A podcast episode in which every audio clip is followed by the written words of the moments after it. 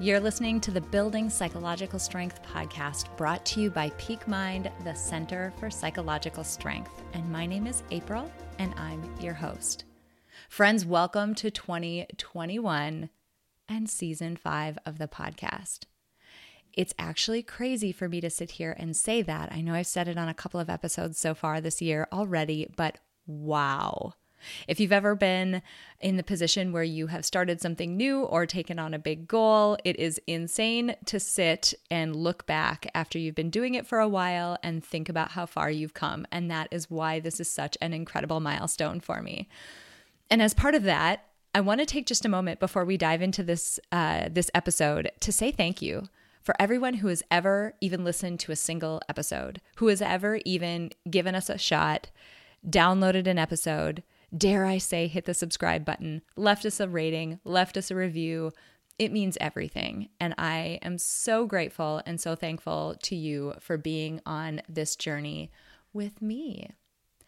All right. So every single year, since the beginning of the podcast, I make changes and I invest in the podcast to make it even more valuable for you. It's always a goal of mine to look back over our progress and think about what tweaks I can make, what experiments we can run, what things we can add or shift or refine in order to give you more of what might be helpful for you within the realm of psychology. Now, you might have noticed that it's Friday. Isn't that crazy? I don't release on Fridays until now. One of the changes that I'm experimenting with this year is adding a Friday episode. Now, if you're new here, I currently release two episodes every week. On Mondays, I release an episode or a set of episodes called Mindset Minute Monday. And these are quick interventions. They're, you know, one to two minute episodes with an intervention that you can use to build psych strength in your life that day. They're super quick, meant to be something that you can pick up and do and try in your life during the week. Now, Wednesdays, they're more of a long form deep dive episode. Sometimes they're an interview, sometimes we focus on a particular topic, and we dive deep into that particular topic or with that particular expert guest to focus on building psychological strength to help you improve your life experience. Both of those are incredibly valuable episodes. We have great feedback from people who have listened to them, and they have been just an incredible value add to this community. But there's one category of questions that I get all the time that I wasn't addressing at all on the podcast, and they're business questions. Now, some of you may or may not know that in my day to day life, I am a business owner outside of Peak Mind. So, Peak Mind is one business that I am a part of, but also I own a business called Sprocket. You can go to Sprocket CX, that's C like cat, X like X, I don't know, sprocketcx.com. You can see my other business. And in that business, I do data science and consumer experience work and behavioral design, which brings in psychology and all of this other crazy stuff that is very unlike what I do within Peak Mind. So, anyway, I have this business and I have been working on it for about five years.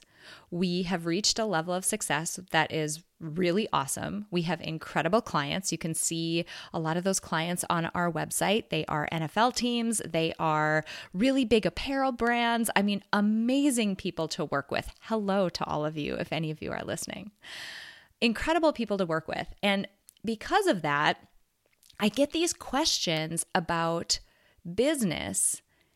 And the thing is, a lot of the questions that I get have to do with psychology. Now, there's a lot of common questions that I get and the craziest thing about it is they're never straightforward. It's never, "Hey, I don't I don't know how to create an LLC." Like you can google that and you can literally get that done in 5 minutes. They're never that straightforward. They're always more complicated. And the more I've thought about it, it turns out there's actually a lot of psychology involved with being a successful business owner.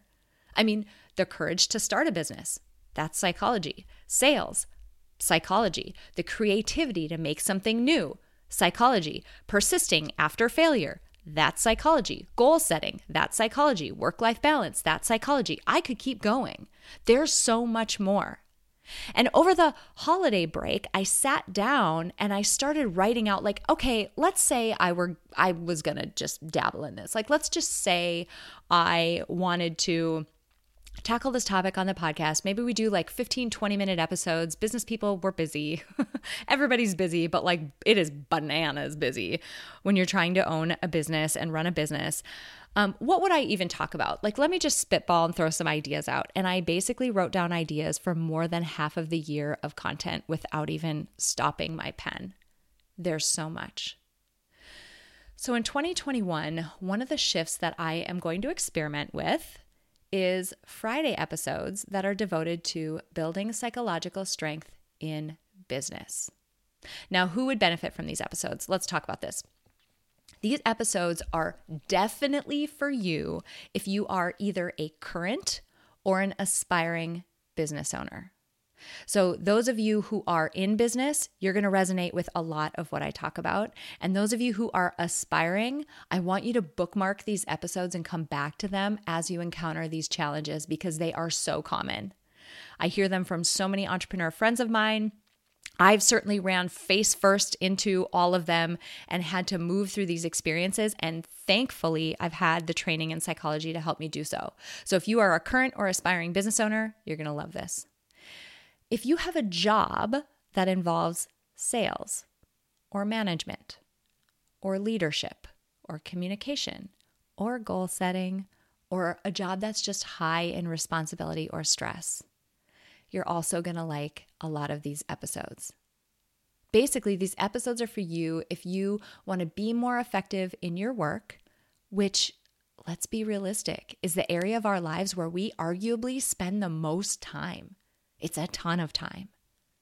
And additionally, as I look back on 2020, if it taught me anything, it's this we can't always count on a traditional job as the be all end all of our financial security. I mean, we saw it happen this past year to so many people. It very likely happened to you. It definitely happened in my business. My business took a hit. Jobs come and go, layoffs are increasingly common. And what's amazing is that it has never been easier and simultaneously more important to step into the role of a savvy business owner. And it doesn't matter if that business is your main gig. Like for me, entrepreneurial efforts are my main gig. I have no normal jobs outside of this. Or maybe it's a side hustle that you're working on in addition to your day job the more psychologically strong you are, no matter which of those categories you might fit into, the more successful you will be. Bottom line. Now, if any of this sounds interesting you, interesting to you, hit the subscribe button and be on the lookout for our Friday episodes. And if you know other people who are either aspiring or current business owners or people who are in jobs where psychology is necessary and psychological strength would help their success, I would love it if you would share share this episode and share these episodes with others who might benefit. I'm so excited for the year ahead of us. I can't even tell you. And I really hope that you'll join me for these episodes in 2021. It's going to be an amazing year, and we're going to tackle some incredible things. All right, guys, that's all for this week for this Friday episode. Yay! Little happy dance over here. So excited. Um, that's all for this episode, but we will be back next week where we're going to start diving headfirst into business and how psychological strength can help us succeed.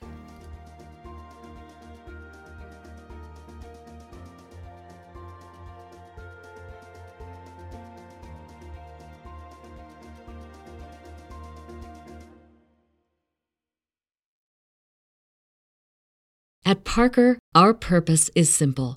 We want to make the world a better place by working more efficiently, by using more sustainable practices, by developing better technologies. We keep moving forward. With each new idea, innovation, and partnership, we're one step closer to fulfilling our purpose every single day. To find out more, visit parker.com/purpose. Parker, engineering your success. As humans, we're naturally driven by the search for better. But when it comes to hiring, the best way to search for a candidate isn't to search at all. Don't search, match with Indeed. When I was looking to hire someone, it was so slow and overwhelming. I wish I had used Indeed. If you need to hire, you need Indeed. Indeed is your matching and hiring platform with over 350 million global monthly visitors, according to Indeed data, and a matching engine that helps you find quality candidates fast. Ditch the busy work. Use Indeed for scheduling, screening, and messaging so you can connect with candidates faster. And Indeed doesn't just help you hire faster. 93% of employers agree Indeed delivers the highest quality matches compared to other job sites, according to a recent Indeed survey. And listeners of this show will get a $75 sponsored job credit to get your jobs more visibility at Indeed.com slash podcast. That's Indeed.com slash podcast. Terms and conditions apply.